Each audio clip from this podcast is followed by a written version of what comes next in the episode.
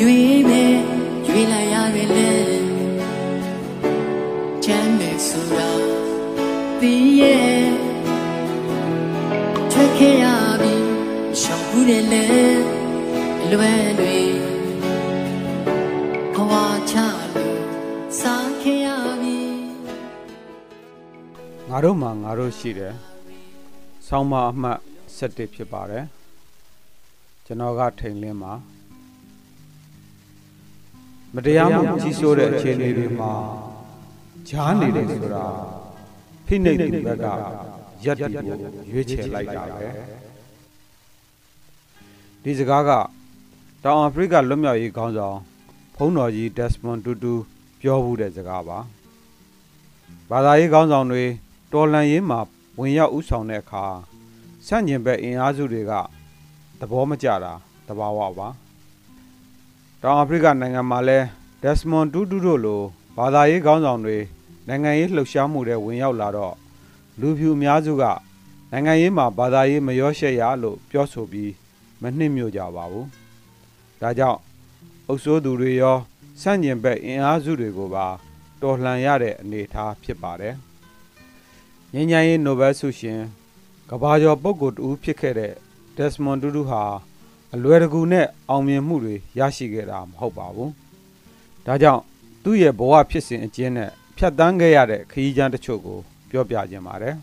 ။ဒက်စမွန်တူတူကို1932ခုနှစ်အောက်တိုဘာလ9ရက်က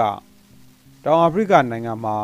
အချမ်းသာဆုံးမြို့ဖြစ်တဲ့ဂျိုဟန်နစ်ဘတ်မြို့ရဲ့ဆင်းရဲသားလူမဲရပ်ကွက်မှာမွေးဖွားခဲ့ပါတယ်။ရေမရှိလျှက်စစ်မီးမရှိ တန်ရှင်းတက်ရမှုမရှိတဲ့နေအိမ်မှာကြက်ကြက်ညက်ညက်နေထိုင်ရပြီးရေကိုအများဆုံးရေပုံပိုင်ကသာရပါတယ်။ဖခင်ဖြစ်သူက လူအများလေးစားတဲ့ကျောင်းဆရာဖြစ်ပေမဲ့မကြာခဏဆိုသလို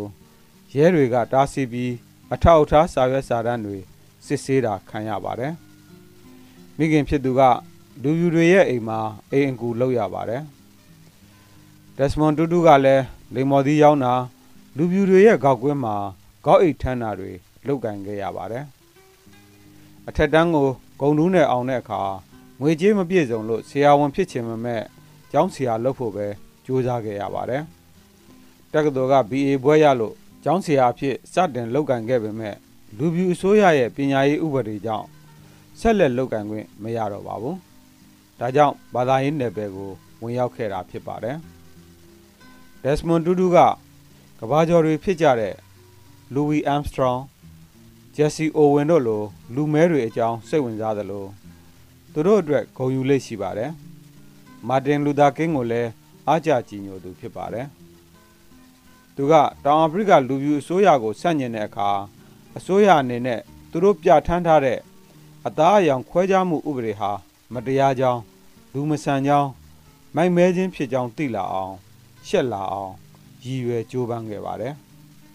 ဥပဒေနဲ့တားမြစ်ထားတဲ့လူပြူရက်ွက်ထဲထောင်နဲ့ချီတဲ့လူမဲတွေက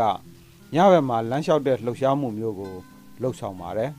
။ဒီလိုဆောင်ရွက်လို့အဖမ်းခံရအကျဉ်းချခံရပေမဲ့စာနယ်ဇင်းသမားတွေကိုကြိုတင်အကြောင်းကြားထားတာကြောင့်ဖြစ်ရက်တွေကိုလူအများကသိလာပါတယ်။ဒက်စမွန်တူတူကတစ်ဖက်မှာဘာသာရေးကိစ္စတွေလုပ်ကင်ရင်းတစ်ဖက်မှာလူမျိုးရေးခွဲခြားဆက်ဆံမှုကိုဆန့်ကျင်ဟောပြောမှုတွေ ပြုလုပ်ခဲ့ပါတယ်။နောက်ပိုင်းမှာသူဟာတောင်အာဖရိကနိုင်ငံရဲ့ထင်ရှားတဲ့အတန်ရှင်ဖြစ်လာပါတယ်။ဒါပေမဲ့လူပြူအများစုက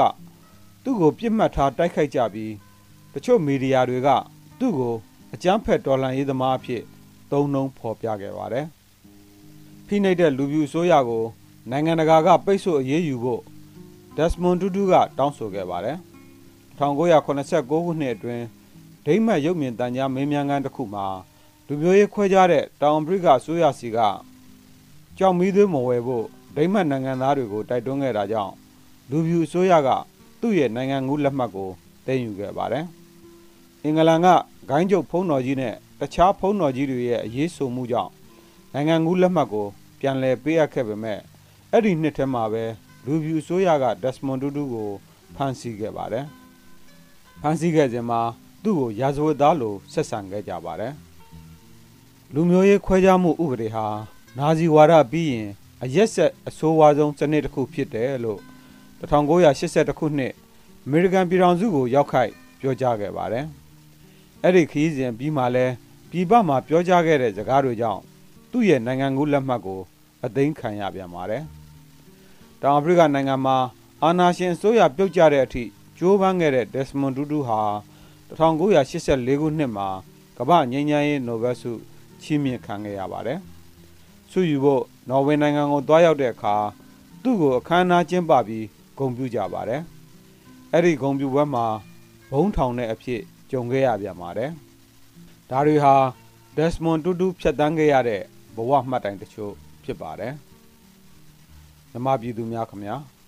အောင်မြင်မှုတိုင်းအောင်မြင်သူတိုင်းရဲ့နောက်ွယ်မှာ ယဉ်နီးပေးဆက်မှုတွေနဲ့စိတ်ဓာတ်ခွန်အားတွေဇွဲတတ္တိတွေရှိနေပါတယ်။ဒီအချက်တွေကိုသိရှိနားလည်ပြီးအခက်အခဲတွေကိုရင်ဆိုင်ဖြတ်တန်းကြမယ်ဆိုရင် ကျွန်တော်တို့ရဲ့မျှော်မှန်းချက်တွေမလွဲမသွေရရှိကြမှာဖြစ်ပါတယ်။အထူးသဖြင့်တူညီတဲ့စိတ်ဓာတ်တွေနဲ့လက်တွဲလျှောက်လှမ်းနေကြတဲ့ယနေ့အခါမှာကျွန်တော်တို့တွေမနိုင်စရာမရှိပါလုံးဝမမေ့ပါနဲ့ငါတို့မှာ ငါတို့ရှိပါတယ်အနုထဲကိုင်းတဲ့လက်တွေကိုအရင်မြ